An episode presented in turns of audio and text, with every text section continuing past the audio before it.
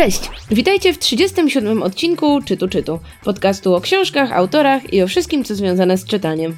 I tym razem witałem się z wami, jak niemalże w każdym odcinku, Ocia, Kasia i Megu. I dzisiaj, tak przedświątecznie, będziemy mieć dla Was odcinek w trochę zmienionej formule. Mianowicie najpierw opowiemy Wam, co chciałybyśmy znaleźć pod choinką i co możecie nam sprezentować, jeśli macie ochotę. No teraz to już trochę za późno. Oj, na prezenty nigdy nie jest za późno. Na Sylwestra nam możecie sprezentować, jeżeli macie ochotę. Możecie nam na prawosławne święta. One są dopiero za miesiąc. O, za, tak, e, bo za o. dwa tygodnie? Coś takiego? Kiedy one się zaczynają? Nie mają świąt w okolicach naszego 6 stycznia? Wiem, że to jest przesunięte 2-3 tygodnie względem świąt y, tych katolickich, więc jest na pewno po nowym roku, więc jeszcze zdążycie nam kupić te prezenty. Dobrze. A nawet jak się opóźnicie, to i takie przyjmiemy. Jakby to, to nie problem, słuchajcie. A później będziemy omawiać książkę, którą wszystkie przeczytałyśmy, ale to zanim do tego dojdzie, najpierw sekcja prezentowa. To kto chce zacząć? E, to może ja zacznę, e, bo e, ja ostatnio napisałam, że książka to nie jest dobry prezent, pomysł na prezent i wywołałam no tym straszne, straszne zamieszanie. Prawda jest taka, że jeśli, że mój problem z książkami, które naprawdę chciałabym dostać, jest taki, że to są książki, które jest bardzo trudno dostać, bo jeśli książkę jest łatwo dostać, jeśli stoi na półce w księgarni, to prawdopodobnie ją sobie kupiłam. Natomiast ja mam takie dwa wielkie marzenia, to znaczy jedno wielkie marzenie mam takie, że British Film Institute opublikowały jakiś czas temu taką taką listę najważniejszych książek o filmie, zapytali krytyków filmowych, zapytali ludzi związanych z filmem, żeby wymienili najważniejsze książki o filmie i mam taką życiową ambicję, żeby te książki uzbierać. I dwie książki z nich naprawdę chciałabym z tej listy mieć. Mój problem polega na tym, że one wyszły w latach 60. E, e, więc prawdopodobnie da się je dostać już tylko w antykwariatach, może, gdzie, może były kolejne wydania. Wydaje mi się, że jedne z nich na pewno. Jedna to jest książka e, François Truffaut o Hitchcocku. Książka, która jest o tyle ciekawa, że to jeden wybitny reżyser analizuje twórczość drugiego wybitnego reżysera, ale co więcej jest film, który w pewien sposób stanowi uzupełnienie tej książki, który powstał stosunkowo niedawno.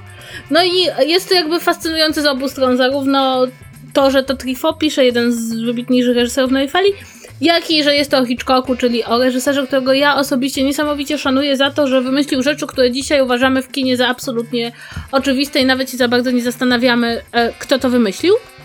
Natomiast drugą książką, którą bardzo chciałabym mieć i tutaj e, na pewno były jej wznowienia, ale ja nie widziałam jej nigdzie na półce w księgarniach, których ja szukałam, to książka e, Pauline Kiel, Lost at the Movies. E, to było tak, że Pauline Kiel była jedną z najważniejszych krytyczek, e, recenzentek filmowych w Stanach Zjednoczonych.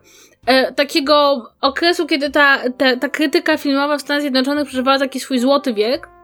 I to, co mnie osobiście bardzo interesuje, to jest to, że ogólnie świat recenzentów filmowych jest uznawany za bardzo męski. Najważniejsze nazwiska w historii recenzentów filmowych zwykle to są nazwiska męskie, e, a tutaj mamy do czynienia z kobietą, której głos był bardzo ważny i która jakby w pewien sposób pokazywała ludziom, jak wyglądają recenzje filmowe w tym okresie. Do pewnego stopnia um, późniejsze recenzje filmowe były pisane też trochę w kontrze do tego, co ona napisała, więc bardzo chciałabym tą książkę przeczytać. Mm, no ale też e, rok wydania jest 60 któryś, e, przy czym podejrzewam, że były wznowienie, ale tutaj jakby wybrałam te dwie książki trochę też po to, żeby powiedzieć, że bardzo często właśnie e, to, co jest najciekawsze, to dostać książkę, którą nawet nie tylko treść nas interesuje, ale niełatwo ją zdobyć, bo dla mnie jakby jak chcę, jak chcę kupić książkę, która jest w księgarni, to to nie jest problem. E, problemem jest to, kiedy jest to anglojęzyczna książka, której musiałabym szukać w anglojęzycznym e, antykwariacie, chociaż teraz internet ułatwia wszystko i podejrzewam, że za 5 minut po opublikowaniu tego odcinka dowiem się, że obie te książki są na Amazonie wznowione w 2015 roku, czy coś podobnego. E, ale to są dwie książki, które gdyby ktoś mi podarował, to była niesamowicie szczęśliwa. Ja chciałabym się w ogóle odnieść do tego podarowywania książek, o którym mówiłaś na początku, bo ja na przykład cierpię z tego powodu, że nikt mi nie daje książek. To znaczy, nie wiem, wszyscy chyba wychodzą z założenia, że przecież jakieś już mam. Więc Nawet nie jakieś, oni kolejne. się pewnie boją, że nie wiedzą co ci kupić. Ale słuchajcie, najlepsze to jest to, że ja regularnie prowadzę te wszystkie swoje spisy internetowe, na przykład na Lubimy Czytać. Ja mam taką półkę, która nazywa się lista zakupów i ona jest na bieżąco uaktualniana, więc jak coś kupię, to z tej półki usuwam, a jak czegoś jeszcze nie kupiłam, abym chciała, to tam mam. Więc jeśli słucha to ktoś, kto kiedyś chciałby mi dać prezent, to tam na tej półce zawsze są aktualne książki, których jeszcze nie mam, a które bym chciała mieć, więc można mi je kupować. Wtedy na pewno się nie zdublują. No i właśnie zajrzałam sobie, co tam mam ciekawego. I postawiłam na, powiedzmy, taki dwutomowy zbiór, który ukazał się w tym roku, dlatego jeszcze nie zdążyłam go kupić. I chodzi o tomy pod tytułem To co najlepsze, tom pierwszy i tom drugi. I to są wydane przez Pruszyński i spółka antologie opowiadań Harlana Ellisona. I to są, powiedziałabym, takie szczególne książki. W ogóle Harlan Ellison zmarł w tym roku, więc też powiedzmy to, że właśnie akurat pierwszy raz u nas ukazał się taki, a, powiedzmy taki pełen, taki, taki naprawdę rozbudowany zbiór jego opowiadań, które są podzielone tematycznie. To jest w ogóle wow, super. Y, w większości też przetłumaczone przez tłumaczy, którzy od lat zajmowali się twórczością Ellisona. No i to są takie tomy, które też pięknie wyglądają. Są, są duże, są w twardych okładkach, w takiej minimalistycznej oprawie graficznej. Jeden jest jakby głównie biały, drugi głównie czarny. I no to są cegły. Po około 700-800 stron na tom. Wyglądają fenomenalnie. I no, dlaczego, dlaczego Harlan Ellison? No, Harlan Ellison jest takim, wydaje mi się, bardzo ważnym pisarzem, jednym e, z tych takich przełomowych twórców e, nowej fali w Stanach Zjednoczonych, no i kimś, bez kogo fantastyka dzisiaj na pewno wyglądałaby trochę inaczej, bo oprócz tego, że pisał mnóstwo opowiadań, zdobył 11 nagród Hugo i 5 nagród Nebuli, czyli no monstrualnie dużo, no to miał też bardzo dużo wspólnego z serialami, z filmami, choćby z takimi tytułami jak Star Trek, jak Babylon 5, jak Ja Robot i całą masą innych y, znanych wam tytułów. E, między innymi kłócił się z Jamesem Cameronem o Terminatora i teraz y, trzeba jakby na koniec filmu teraz są podziękowania dla Harlana Ellisona na przykład za to, że, że Cameron zainspirował się dwoma z jego opowiadań pisząc scenariusz. Mm, no, twórca bardzo ważny, twórca bardzo trudny yy, i wydaje mi się, że yy, w mojej biblioteczce bardzo tych książek brakuje. No jeśli nikt mi ich nie kupi, to na pewno w jakimś momencie kupię sobie sama, no ale jakby ktoś coś, to, to śmiało, nie krępujcie. Ja sobie wyobrażam rodzinę Oci, która po prostu siedzi po świętach, już wie, że tego jej nie sprezentowali, wszyscy tacy bladzi. No. Shame. Głupio trochę. A ty, Megu, co byś chciała dostać na święta? Więc ja zrobiłam coś zupełnie innego niż wy. To znaczy, ja sobie wymyśliłam książkę, która moim zdaniem nie istnieje, ale nie wiem. Może zaraz po tym, jak skończymy ten odcinek i go opublikujemy, też się okaże, że ktoś nam napisze, że tak właściwie to można je dostać gdzieś tam, gdzieś tam. E, w każdym razie, e, ale nie śmiejcie się ze mnie. Ja kiedyś byłam bardzo wielką fanką komiksów z Garfieldem. I to była taka, to, to, był taki element mojej przedświątecznej tradycji, że ja zawsze na święta czytałam sobie te wszystkie, e, wszystkie tomiki, które miałam. One były pogrupowane tak um, tematycznie, powiedzmy, że był, e, był tom o świętach, tom o wakacjach, tom o czymś innym, a ja po prostu bym chciała mieć wszystkie komiksy z Garfieldem, wszystkie paski, jakie kiedykolwiek wyszły, pogrupowane rocznikowo, tak jak ten komiks się rozwijał, tak jak się te grafiki tam zmieniały. I po prostu, żeby to wszystko wyszło w takich wielkich tomach, e, żebym sobie mogła tak, nie wiem, z trzy postawić na półce i to jest coś, co, o, czym, o czym, co ja zawsze chciałam mieć od dziecka, bo w ogóle mnie nie fascynowały te. Yy, nie, nie podobało mi się to grupowanie komiksów ze względu na tematykę, bo to było takie strasznie słabe moim zdaniem. Ja po prostu powinna, chcę mieć cały kanon, chcę mieć wszystko zgromadzone w, w, w jednym wydaniu i żebym mogła sobie do tego wracać i czytać to chronologicznie. I ja wiem, że. Super. Tylko ja wiem, że dzisiaj się chyba niektórzy z komiksów z Garfieldem śmieją. Znaczy, bo im, im jesteśmy starsi, tym bardziej rozumiemy, że Garfield jest e, opresyjnym, wrednym stworzeniem, które nie zasługuje na swojego e, quasi-autystycznego opiekuna, jakim jest John. I nie, wiem, e, jaki wy macie do niego stosunek, ale e, ja już od dłuższego czasu tych komiksów nie czytam, a kiedyś je czytałam codziennie, więc e, może tam rzeczywiście, gdybym do nich wróciła, to zmieniłoby się moje zdanie na ten temat. Nie, ale mi się wydaje, że jeśli czytamy Garfielda w tym takim umownym świecie, że są to jednak paski komiksowe, to on się nadal sprawdza. On, tam było mnóstwo absolutnie przeuroczych motywów i też, prawdę powiedziawszy, właściciel Garfield, tam były takie momenty, kiedy Garfield robił dla swojego właściciela rzeczy bardzo, bardzo słodkie. E, więc nie, ja, ja akurat, ja miałam bardzo podobnie jak ty, ja czytałam te wszystkie komiksy, miałam też te zestawy komiksów I pamiętam, że zwróciłam uwagę, że tak w takich momentach, kiedy ten jego właściciel jest naprawdę nieszczęśliwy, to zarówno on, jak i ten Odi, czyli pies e, Johna, byli dla niego bardzo mili. I ja najbardziej kochałam te komiksy, gdzie był ten mały kotek, który był taki entuzjastyczny, e, zestawiony z tym wielkim, leniwym kotem. Nie, ja, ja myślę, że... To się Nermal Nermal, tak. Ja myślę, że, że spokojnie można do tych komiksów wrócić i nie będzie aż tak strasznie. No ja myślę, że jeśli jakieś wydawnictwo nas słucha, to totalnie mogłoby to wydać, no bo w Polsce na 100% takiego, takiego wydania nie było, nie mam pojęcia jak za granicą.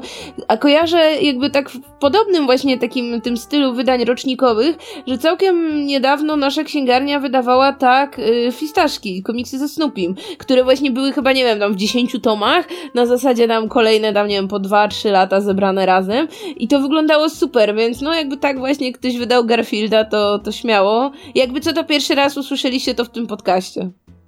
tak, więc po, pomysł nie znasz. Bardzo mi się podoba, jak różnie podeszliśmy do naszego zadania, co byśmy chciały dostać. E, naj, chyba najłatwiej. Ja mam tak średnią trudność. Mego chcę po prostu, żeby wydawnictwo spełniło jej świąteczne marzenia. E, I dlatego nie jest łatwo kupić komuś książkę, nie? Tak. Dobrze, to co? To przechodzimy chyba do naszej drugiej części, czyli do omawiania książki, którą obiecałyśmy wszystkie przeczytać. E, e, I zajęło nam to strasznie dużo czasu, ale głównie dlatego, że nie mogłyśmy po prostu wszystkie razem usiąść i o niej porozmawiać. E, I kto, kto powie co za książka? Może Ocia. Dobrze, więc książką, którą wybrałyśmy na naszą wspólną lekturę jest powieść debiutancka Angie Thomas pod tytułem The Hate You Give, Nienawiść, którą dajesz. I to jest książka, która w zeszłym roku ukazała się w Stanach, zgarnęła bardzo dużo nagród i wyróżnień, a w tym roku w październiku ukazała się także w Polsce nakładem wydawnictwa Papierowy Księżyc. Y, czytałyście ją po angielsku? Tak. Ja ją czytam po angielsku. Ja też mam angielskie wydanie. Tak, ja też mam angielskie wydanie, tak więc o polskim wydaniu niczego się nie dowiecie, ale jeśli wolicie czytać po polsku, to jak najbardziej możecie takie wydanie dostać.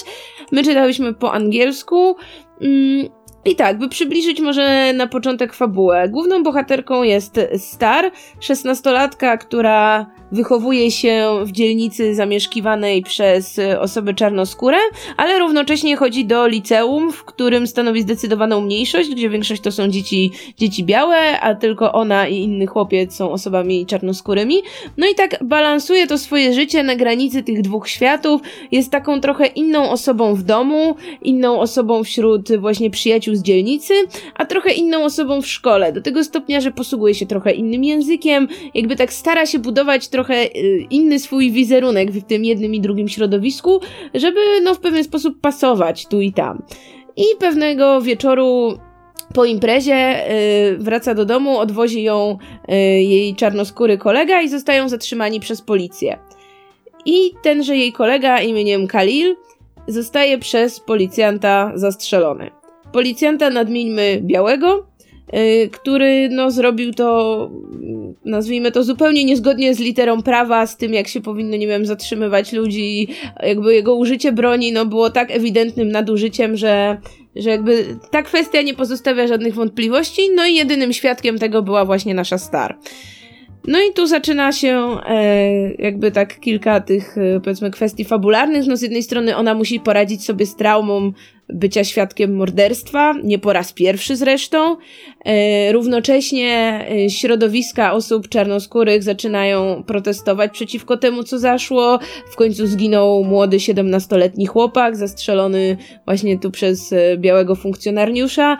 Nie, jakby społeczeństwo początkowo nie wie, że ona jest tym jedynym świadkiem zdarzenia, więc ona się zastanawia, na ile powinna się ujawnić, na ile powinna się publicznie w ogóle wypowiedzieć w tej sprawie, a na ile lepiej też dla jej własnego bezpieczeństwa, żeby po prostu siedziała cicho. Tak, i jeszcze, jeszcze takim elementem, który jest tutaj bardzo ważny, jest to, że mm, jakby jeśli weźmiemy nazwę e, tego tytułu e, po angielsku i weźmiemy tylko pierwsze litery, to wychodzi słowo to, jak to się czyta? Truk? Tak. tak. Co jest takim jakby, bo jakby jednym z motywów tej książki jest sprowadzanie tego jej przyjaciela do takiego e, klasycznego chłopaka ze złej dzielnicy, który dealuje narkotykami, jest niebezpieczny, e, jego życie jakby zostało mu zabrane, no ale trudno się dziwić białemu policjantowi jakby to, jak się ta narracja tworzy wokół tego chłopaka, ta zewnętrzna, także jest tematem tej książki.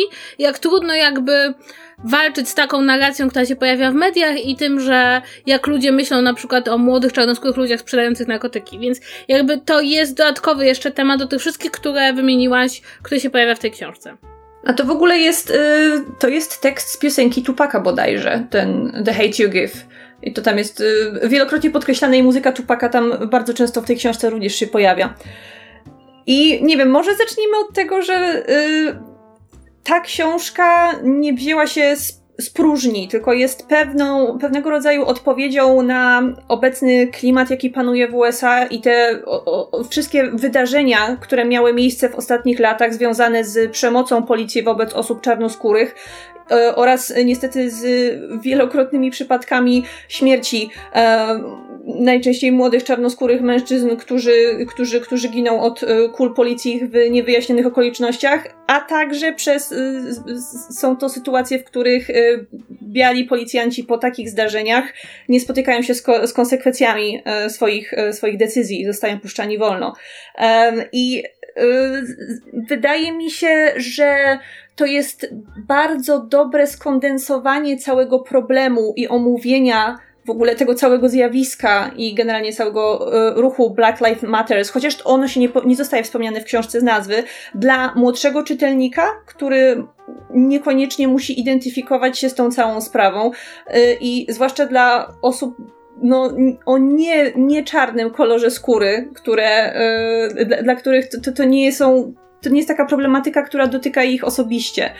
I wydaje mi się, że zwłaszcza dla osób, które mogą to czytać w Polsce, jest to e, taka pozycja, która powinna, po, po, powinna im przybliżyć ten inny sposób myślenia i zupełnie przeciwną perspektywę do naszej.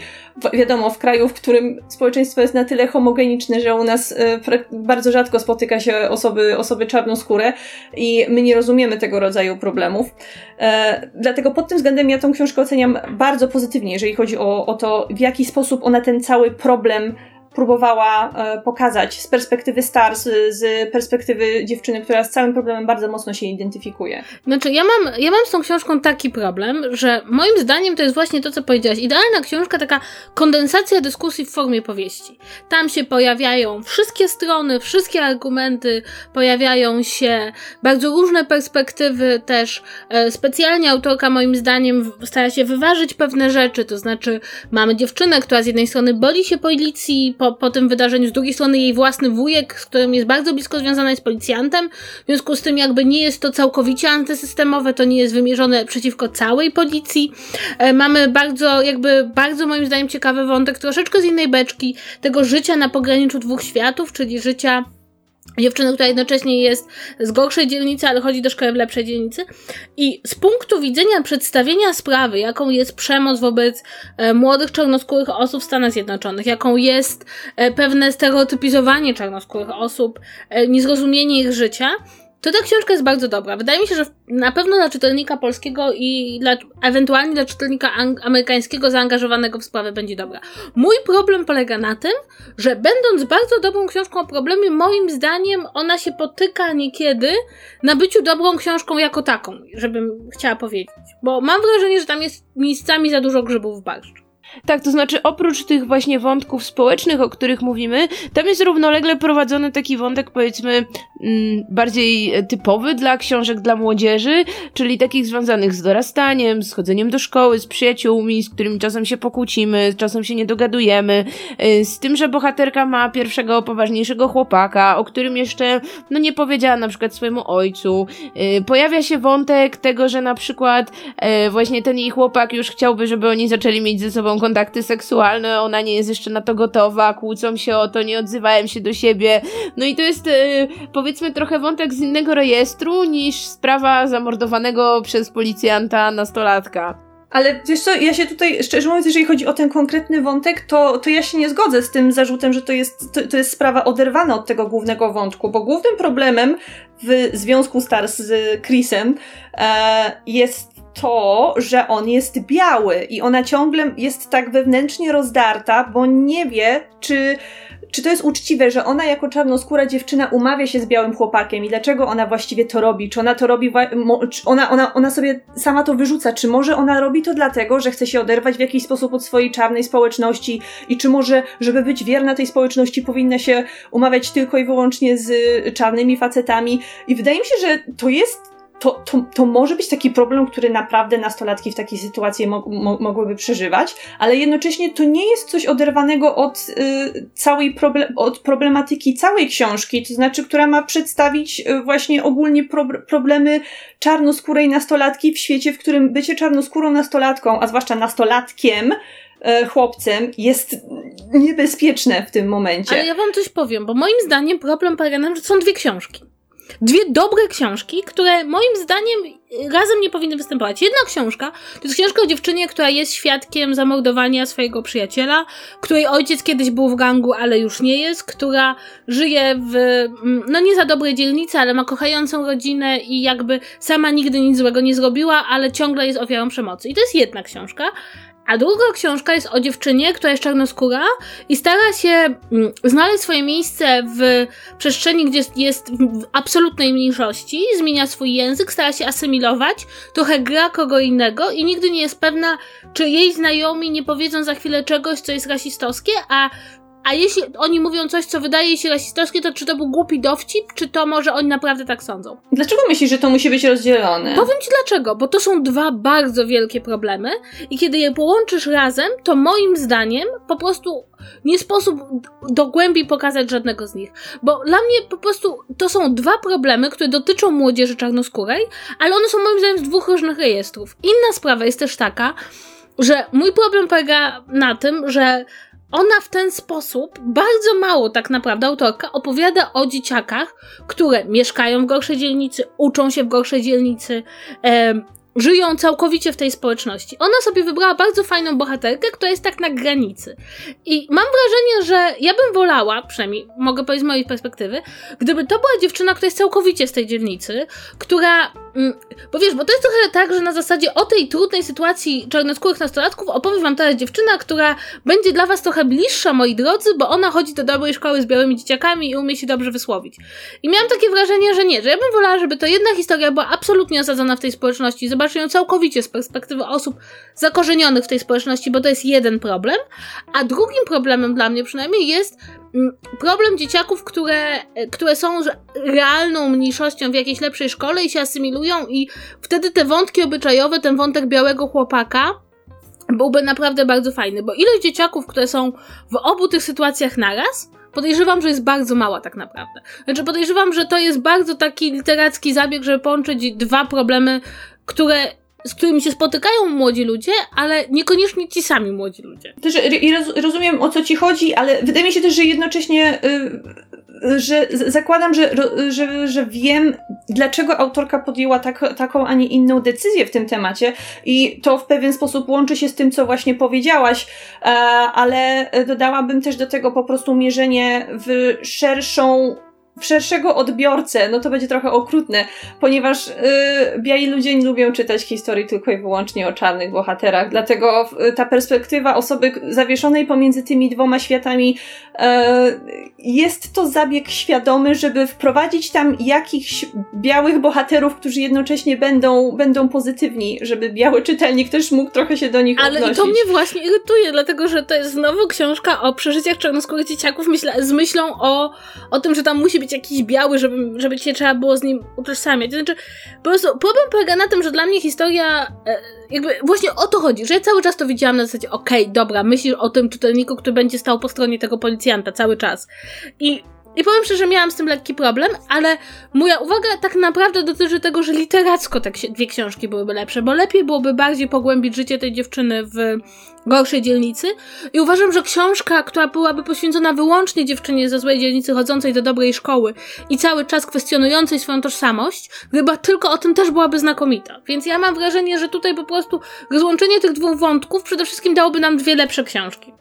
Literacko. Mhm. Przy czym jednocześnie jeszcze jakby tak nawiązując do tego, co Megu powiedziała, wydaje mi się, że pod pewnymi względami warto jakby wybaczyć autorce właśnie to, co zrobiła, nawet jeśli myślała przy tym o jakby takim dotarciu do jak najszerszego kręgu odbiorców, no bo wydaje mi się, że jest bardzo ważne, żeby właśnie te osoby białe, nastolatkowie przeczytali tę książkę, bo... Yy, bo spotkałam się już nawet w że tak powiem, w polskim internecie, właśnie z takimi opiniami, że no, że właśnie ta książka w ogóle nie przedstawia nam perspektywy tego policjanta, że jest taka jednoznaczna, że od razu jakby książka, autorka, bohaterka od razu zakładają, no, że właśnie to użycie broni przez policjanta i ta tragedia, do której doszło, e, no to była winą tego policjanta, a że właśnie nie poznajemy jego perspektywy i tak dalej.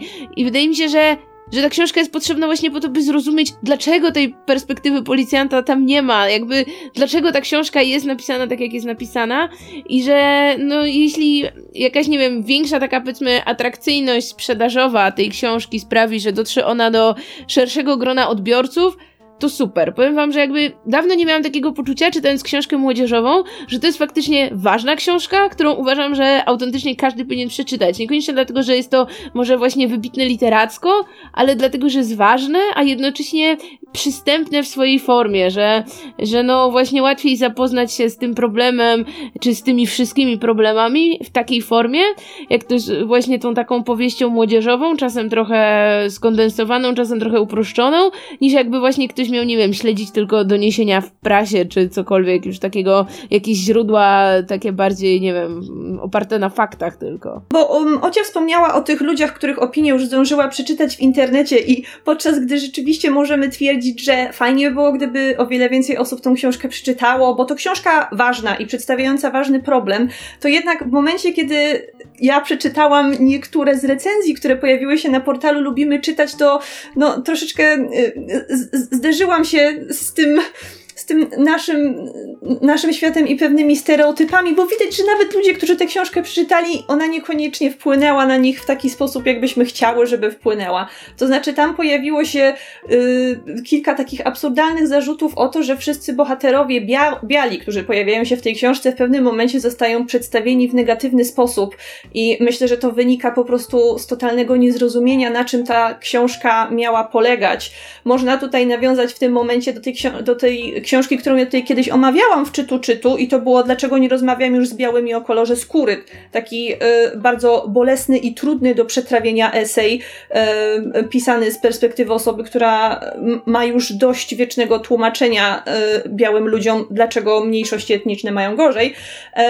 I wydaje mi się, w, nawiązaniu do tego, wydaje mi się, że ludzie mają problem ze zrozumieniem tego faktu, że biali ludzie w tej książce, a zwłaszcza ten biały policjant, są przedstawieni jako pewnego rodzaju symbol. I to, że Przeżycia tego policjanta nie są przedstawione jako równorzędna strona sporu, jako coś, co warto czytelnikowi przybliżyć, żeby było sprawiedliwie, bo to o to głównie chodzi, wynika właśnie z tego, że dotychczas w takich sytuacjach, które zdarzyły się naprawdę w USA, ta perspektywa czarnoskórej osoby zawsze była minimalizowana i nigdy nie dopuszczano jej do głosu tak szerokiej perspektywie, jak dopuszczano tą białą stronę. I to też się pojawia tutaj w tej książce, ponieważ, ponieważ zaraz po tym, jak, jak cała sprawa przedostaje się do mediów, e, w telewizji zaczynają się pojawiać wywiady z sąsiadami, z rodziną tego białego policjanta i jest y, pokazana taka próba wybielenia wszystkich jego czynów, tylko dlatego, że był dobrym policjantem, i, a, a jednocześnie Kalila jako ofiarę przedstawia się jako osobę, która zasłużyła właściwie na swój los tylko i wyłącznie dlatego, że urodziła się w biednej, biednej dzielnicy, miała taki, a nie inny kolor skóry. Negatywni bohaterowie tej książki, tej książki głównie, głównie media, próbują nam przekazać, że Kalil sam był sobie winien i tak właściwie to jest tylko jego wina, że on nie żyje.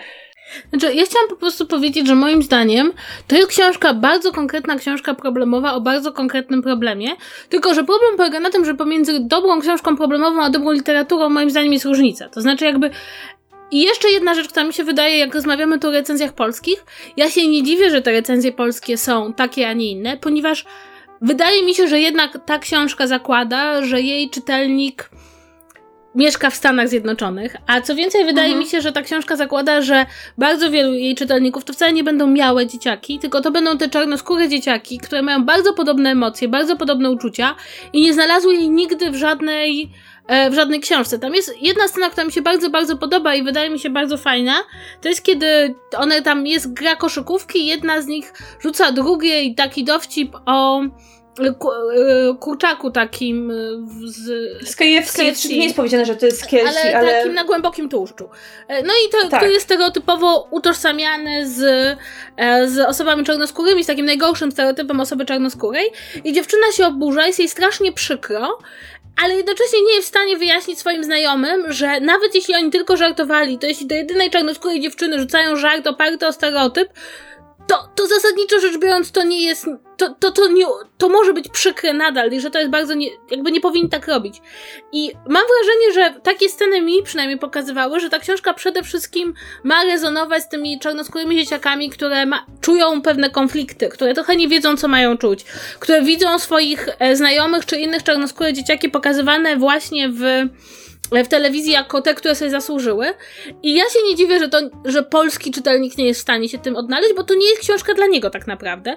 Oczywiście, jeśli ma się otwarte serce i rozum i chce się poznać sytuację innych osób, no to literatura tego typu jest do tego bardzo dobra, ale podejrzewam, że bardzo wielu yy, polskich czytelników nie jest w stanie zrozumieć właśnie to, o czym co mówiłaś, że tu nie chodzi o sprawiedliwość narracji, dlatego że nie ma sprawiedliwości narracji w sytuacji, kiedy jedni strzelają do drugich i tylko jedni mają broń.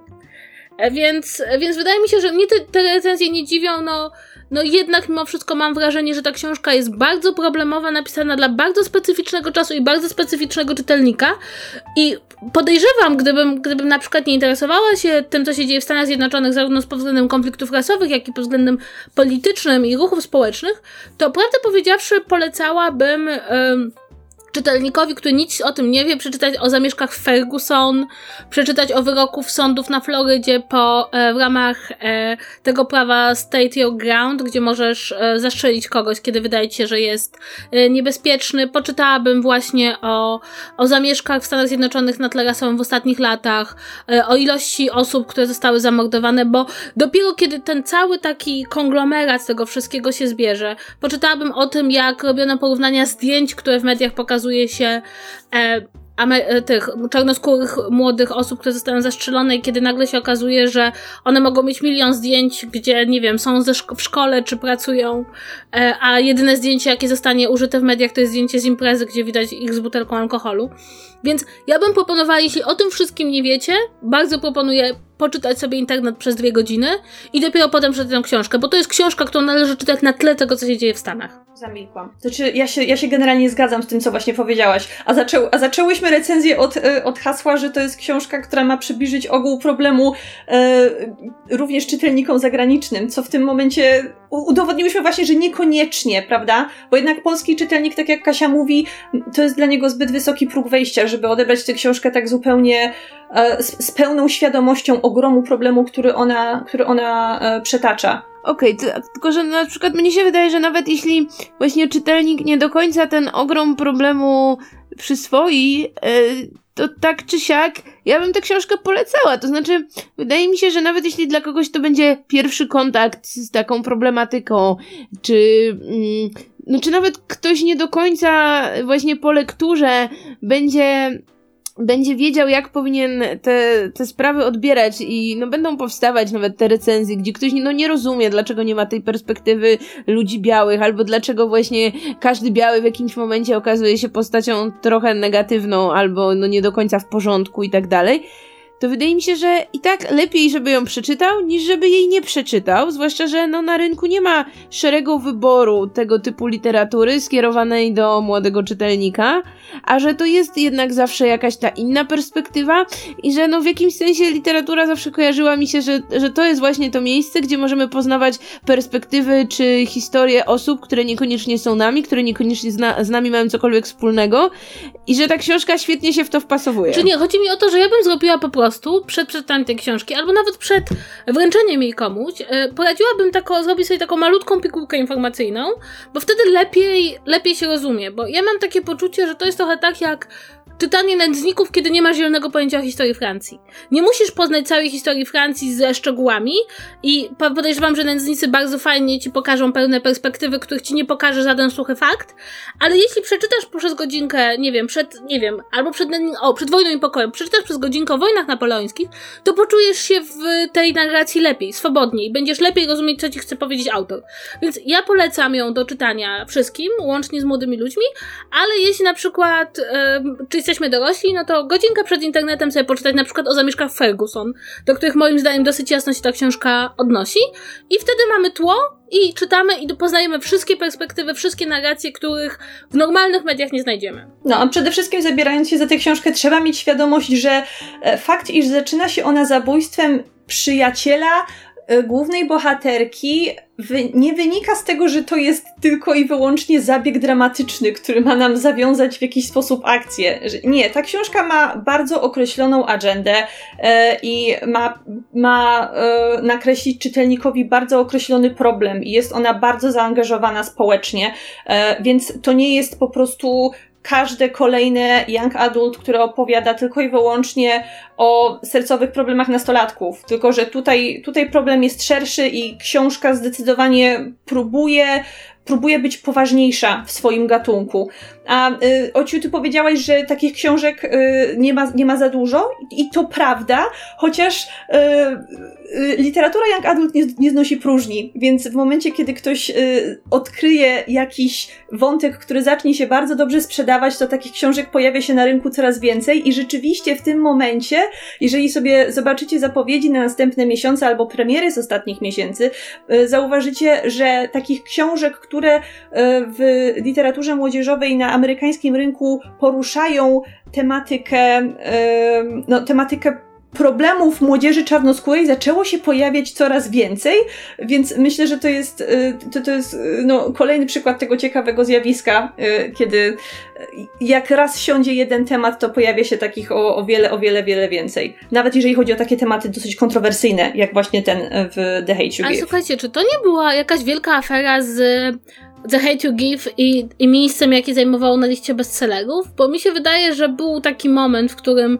to ta książka powinna być na szczycie list bestsellerów, a była jakaś inna książka, której nikt nie czytał i nie była szczególnie znana. Tak, bo to jest ta afera, o której myśmy kiedyś mówiły, kiedy była ta fikcyjna książka stworzona przez jakąś fikcyjną autorkę, która nie miała żadnego dorobku i tam był cały szwindel z windowaniem jej na listach bestsellerów i właśnie najbardziej kontrowersyjne było to, że ona zepchnęła The Hate You Give na e, kolejne miejsce z tego pierwszego, które e, nasza dzisiejsza lektura zajmowała przez wiele, wiele tygodni. I pa, pa, Pamiętacie tą aferę? Myśmy o niej rozmawiały. Tak, tak, tak. Przy, właśnie przy temacie list bestsellerów. Jak już ustaliłyśmy, może troszeczkę e, e, off the record, e, tę książkę jest dosyć trudno zaspoilerować, ponieważ tam nie ma jakichś gwałtownych zwrotów akcji, ani tajemnic, które nagle wychodzą na jaw, tylko ona w pewnym momencie po prostu się kończy. I jest to zakończenie dosyć otwarte, ponieważ ten cały główny konflikt napędzający akcję nie kończy się jakimś rozwiązaniem. Tam no, y, ani nie spotykamy tego policjanta, ani nie dowiadujemy się, co tam, co tam się działo dalej. E, I y, nie wiem, jak wy to odebrałyście, ale dla mnie jest to w pewien sposób symboliczne, że po prostu większość tych sytuacji podobnych do historii Kalila, które wydarzyły się w USA, też nie spotkały się z jakimś, y, z, z jakimś rozwiązaniem i tam nikt nigdy na końcu nie postawił kropki ale z, z, drugiej strony spotkałam się z takimi zarzutami, że niektórym ludziom to się nie podobało, że to się właśnie kończy, kończy dosyć otwarcie. Czy moim zdaniem, e, no to jest nawet dobry zabieg, dlatego że rzeczywiście zgadzam się z Tobą, że większość tych spraw się nie kończy żadnym jakimś dobrym zakończeniem. E, skazanie, jakby jakakolwiek konfrontacja musiałaby w sobie zawrzeć próbę rozwiązania tego i rzeczywiście przedstawienia wszystkich stron jeszcze raz. I moim zdaniem to jest bardzo dobre właśnie, że to się kończy trochę tak jak w życiu, tak? To znaczy, coś się stało w tej dziewczyny, coś się przewaliło. E, chłopak nie żyje i nie będzie żył, w związku z tym na żaden wielki happy end nie ma szans.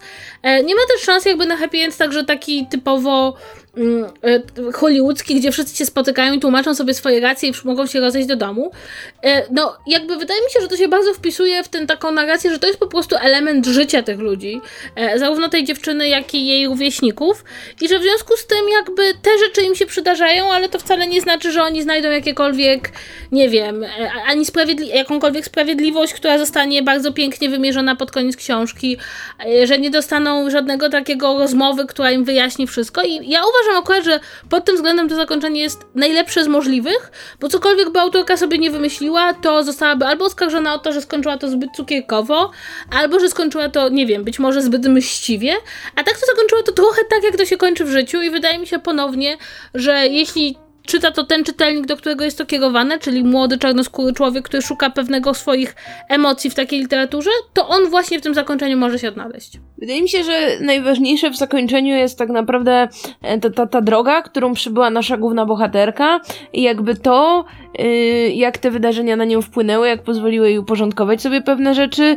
to, że ona jakby tak ostatecznie jest przekonana o tym, że warto mówić o pewnych rzeczach, że warto działać, że yy, jakby mm, dla niej, jakby ona już wtedy jest całkowicie pewna tego, że jakby wie, kim był Khalil, że jakby ona go znała takiego, jakim był i że no nigdy właśnie nie zapomni tego, jaką naprawdę był osobą i że nigdy nie będzie siedzieć cicho. I wydaje mi się, że to jest tak naprawdę ten największy przełom, jaki mógł się dokonać, no bo właśnie, nie wiem, zmienianie całego systemu sprawiedliwości, e, czy jakichś takich już daleko posuniętych zmian społecznych, no to tak jak obie mówicie, no, no to, to by było za dużo, to by było nierealne i, i, i to by nie był dobry pomysł, więc to taka mikrozmiana na poziomie właśnie naszej bohaterki, na poziomie tego, że możemy sobie wyobrazić, że nie wiem, dalej będzie działać w tych wszystkich ruchach, dalej e, będzie się starała mówić o tym, co widziała i co można jakby zrobić, by temu przeciwdziałać, no to wydaje mi się, że jakby to jest jedyne, co można zrobić, no i że to jest w jakiś sposób najważniejsze. Tam jest taka pochwała tego aktywizmu społecznego, bo ona, yy, główna bohaterka zostaje pochwalona przez swoją byłą prawniczkę, która bardzo mocno działa w ruchach na rzecz obrony osób czarnoskórych i w pewien sposób zostaje zachęcona do tego, żeby tą aktywistką zostać. Więc yy, taka proponowanie młodym ludziom takiej, takiej drogi czynnego włączania się w obronę tych swoich, swoich e, praw jako osób czarnoskórych, to, to jest jeden z elementów przesłania, jakie ta książka próbuje ze sobą nieść, moim zdaniem. No tak, no i to jest jakby, ja mam takie wrażenie, że to jest może nie podręcznik, ale pewien takie wyznaczenie jakiejś drogi właśnie od takiego pewnych wątpliwości, wypierania się do zaakceptowania zarówno tego, że jest się z mniejszości, która ma problemy, jak i że powinno się o tym głośno mówić i o to walczyć. E, no i tak, i wydaje mi się, że ponownie, że tutaj wchodzi to Black Lives Matters jako, jako punkt odniesienia i jest to dla tych młodych ludzi być może, którzy mają pewne wątpliwości, albo dla tych, którzy są zaangażowani, albo potwierdzenie, że dobrze wybrali tę drogę, że tak, to jest to, co powinni robić w obliczu takiej sytuacji, sytuacji w Stanach, e, albo z drugiej strony taka zachęta na zasadzie, że takie historie stoją za ludźmi, którzy zdecydowali się działać. Ja Wam jeszcze powiem tak yy, w ramach dodatku, że ja tę książkę jednocześnie próbowałam czytać i jednocześnie słuchałam ją jako audiobooka. I lektorką w tej książce była jakaś czarnoskóra aktorka, której nazwiska, wybaczcie, teraz nie pamiętam, ale przyznam, że strasznie dużo mi dało to, w jaki sposób ona to czytała, bo ja nie potrafiłabym przeczytać y, ty, tych, tych zdań z takim, z, z, takim akcentem i z taką manierą, którą my y, jako odbiorcy popkultury głównie spotykamy w filmach, y, w których występują bohaterowie z, z czarnych dzielnic i strasznie fajnego smaczku to wszystko dodawało, więc jeżeli ktoś chciałby spędzić te kilkanaście godzin nad samym audiobookiem, to polecam wersję po angielsku, bo, bo naprawdę o wiele lepiej ta historia wtedy wchodzi, a jednocześnie przy okazji zaczęłam się zastanawiać, jak to wszystko zostało przełożone na polski i trochę żałuję, że żadna z nas tego nie przeczytała po polsku, bo jednak ilość tego slangu, który tam jest, e, jest musiała być e, naprawdę trudna do przełożenia i zastanawia mnie, jak tłumacz sobie z tym poradził, więc jeżeli ktoś z naszych słuchaczy słuchał tej, czy czytał tę książkę po polsku, to niech da nam znać, jak ona wypada w tłumaczeniu, bo ja jestem e, tego bardzo ciekawa. A przy okazji, nie wiem, czy zwróciłyście na to uwagę, yy, odniosłam takie wrażenie, że w książkach dla młodzieży mało się przeklina, albo prawie w ogóle, a tutaj yy, mięcho leci ostro. To znaczy, tam, tam są ciągle faki w tej książce. Nie wiem, czy zwróciłyście na to uwagę. Mm, tak. Ja zupełnie nie. Kasia, to już tak dla, dla ciebie to taki chleb powszedni, faki ci wlatują, jednym uchem, drugim wylatują. Znaczy, wiesz, zważywszy na to, że mówimy nam o środowisku, gdzie, nie wiem, jest duża styczność z jakimiś gangami, bo nie wiem, czyjś rodzice są albo byli w gangu, albo że generalnie, nie wiem, akcja się dzieje w jakiejś gorszej dzielnicy, czy po prostu z samym faktem, że no generalnie nastolatkowie często przeklinają, no to jakby mnie to zupełnie nie raziło, jakby co najwyżej gdzieś tam, powiedzmy, dodawało realizmu, nazwijmy to. A czy interesowałyście się y, filmem? Macie zamiar się na niego przejść? Y, tak, film wyszedł w Stanach już we wrześniu, u nas będzie w styczniu. I y, no, obejrzałam zwiastun. Wygląda całkiem ok, więc ja się na pewno wybiorę. To znaczy, y, ja tam sobie patrzyłam na obsadę i obsada wygląda całkiem fajnie. Znaczy, w głównej roli jest y, ta y, Amandla, Amandla, jak ona ma nazwisko? Stenberg. Amandla Stenberg, która jest ostatnio no, poster girl wszystkich produkcji Young Adult, jakie pojawiają się na dużych ekranach i boję się, że dziewczyna nam się za niedługo już przeje, ale rolę Chrisa gra KJ Appa, czyli Archie z Riverdale i strasznie, strasznie mnie to bawi, ale Jestem ciekawa, jak ta historia wypadnie na dużym ekranie. I też nie ukrywam, jestem ciekawa, jak zareagują na nią polscy, polscy widzowie, bo tak trochę e, nie mam w nich za dużej wiary, więc przepraszam, że to powiedziałam, ale e, no, e, no ciekawi, ciekawi mnie reakcja, także czekam na premierę. Jestem ciekawa, jak się po prostu uda pokazać na ekranie to, co jest dużo łatwiej opisać, bo też e, pamiętajcie, że jakby obraz mordowania nastolatka w sposób przypadkowy, czy obraz jakiś zamieszek, e, no może na polskiego widza za bardzo nie zadziała, ale pamiętajmy, że jednak jest to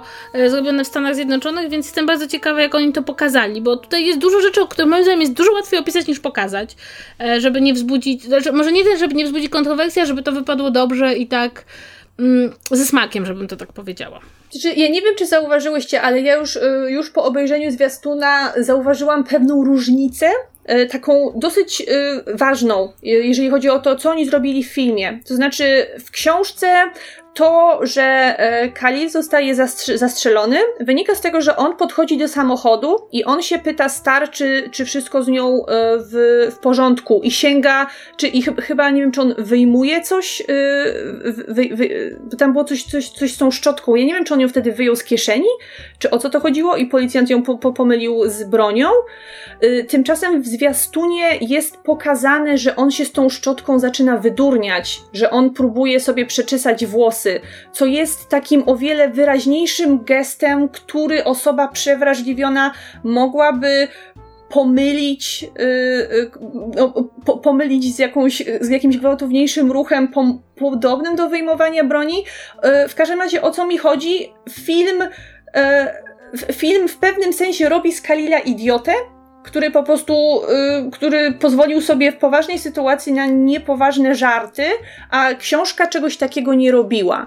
I yy, nie wiem, nie wiem, to, troszeczkę nie jestem zadowolona z tej zmiany. Może w ostatecznej wersji filmu będzie to troszeczkę inaczej wyglądało, ale na razie to jest coś, co bardzo mi się rzuciło w oczy. Y, podsumowując w takim razie, czy byśmy tę książkę polecały? Wydaje mi się, że nikogo nie zdziwi, jeśli ja powiem, że jak najbardziej tak. Yy, zwłaszcza osobom młodym, y, zwłaszcza osobom, które y, o tej sytuacji może jeszcze nie słyszały, które taki problem Mm, tak jak Kasia powiedziała, mogłyby najpierw właśnie zapoznać się z jakiegoś, e, powiedzmy, bardzo rzetelnego, profesjonalnego źródła, a potem właśnie mogłyby sięgnąć po tę książkę, żeby, żeby dowiedzieć się właśnie, z jakimi problemami muszą mierzyć się osoby nastoletnie, czarnoskóre, żyjące w Stanach Zjednoczonych, a przy tym, jak dla mnie, to jest wciąż bardzo dobra książka młodzieżowa, która wyróżnia się na tle wielu innych książek młodzieżowych, choćby tym, że właśnie nie koncentruje się na, nie wiem, trójkątach miłosnych, czy jakichś takich tylko typowo szkolnych problemach, a jednak stara się powiedzieć coś więcej. To ja się pod tym podpisuję i powiem, że też polecam. No to ja też polecam i już w ten sposób wszystkie poleciłyśmy e, i e, mamy nadzieję, że e, wy też ją przeczytacie i podzielicie się swoimi opiniami, a na sam koniec jeszcze Ocia wam powie, co możecie dla nas zrobić w tym pięknym świątecznym czasie. Y, więc jeśli słuchaliście odcinka od początku, to wiecie, co możecie dla nas zrobić, bo każda z nas powiedziała, co chciałaby dostać. Poza tym nieustająco czekamy na wasze maile pod czytu czytu małpa podsłuchane.pl. Y, obiecałyśmy, że zrobimy kolejną część odpowiedzi na wasze listy i to na pewno nastąpi. Możecie oczywiście subskrybować nas na YouTubie, na Facebooku, także wpadać y, na fanpage naszej sieci podsłuchane.pl, gdzie znajdziecie inne podcasty, które wydajemy. Możecie zostawiać nam recenzję na iTunes. Nigdy wam chyba o tym nie nie mówiłyśmy, ale tak, jeśli słuchacie nas na iTunes, możecie napisać nam krótką recenzję, to pomoże w zwiększeniu widoczności naszego podcastu, więc z góry dziękujemy, jeśli się na to zdecydujecie. No i jeśli tego słuchacie i jeszcze świętujecie, no to wesołych świąt, zjedzcie dużo serniczka, serniczek jest dobry. Dużo karpia, dużo ciasteczek i dużo makówki. U mnie w domu nie ma ani jednego, ani drugiego. No, to dużo, o. dużo dobrego. Zjedzcie po prostu dużo dobrego. Albo po prostu masło. dużo masła z, z makiem. Zawsze masło I życzymy Wam wesołych świąt. I do usłyszenia w nowym roku. Pa! pa, pa, pa Cześć!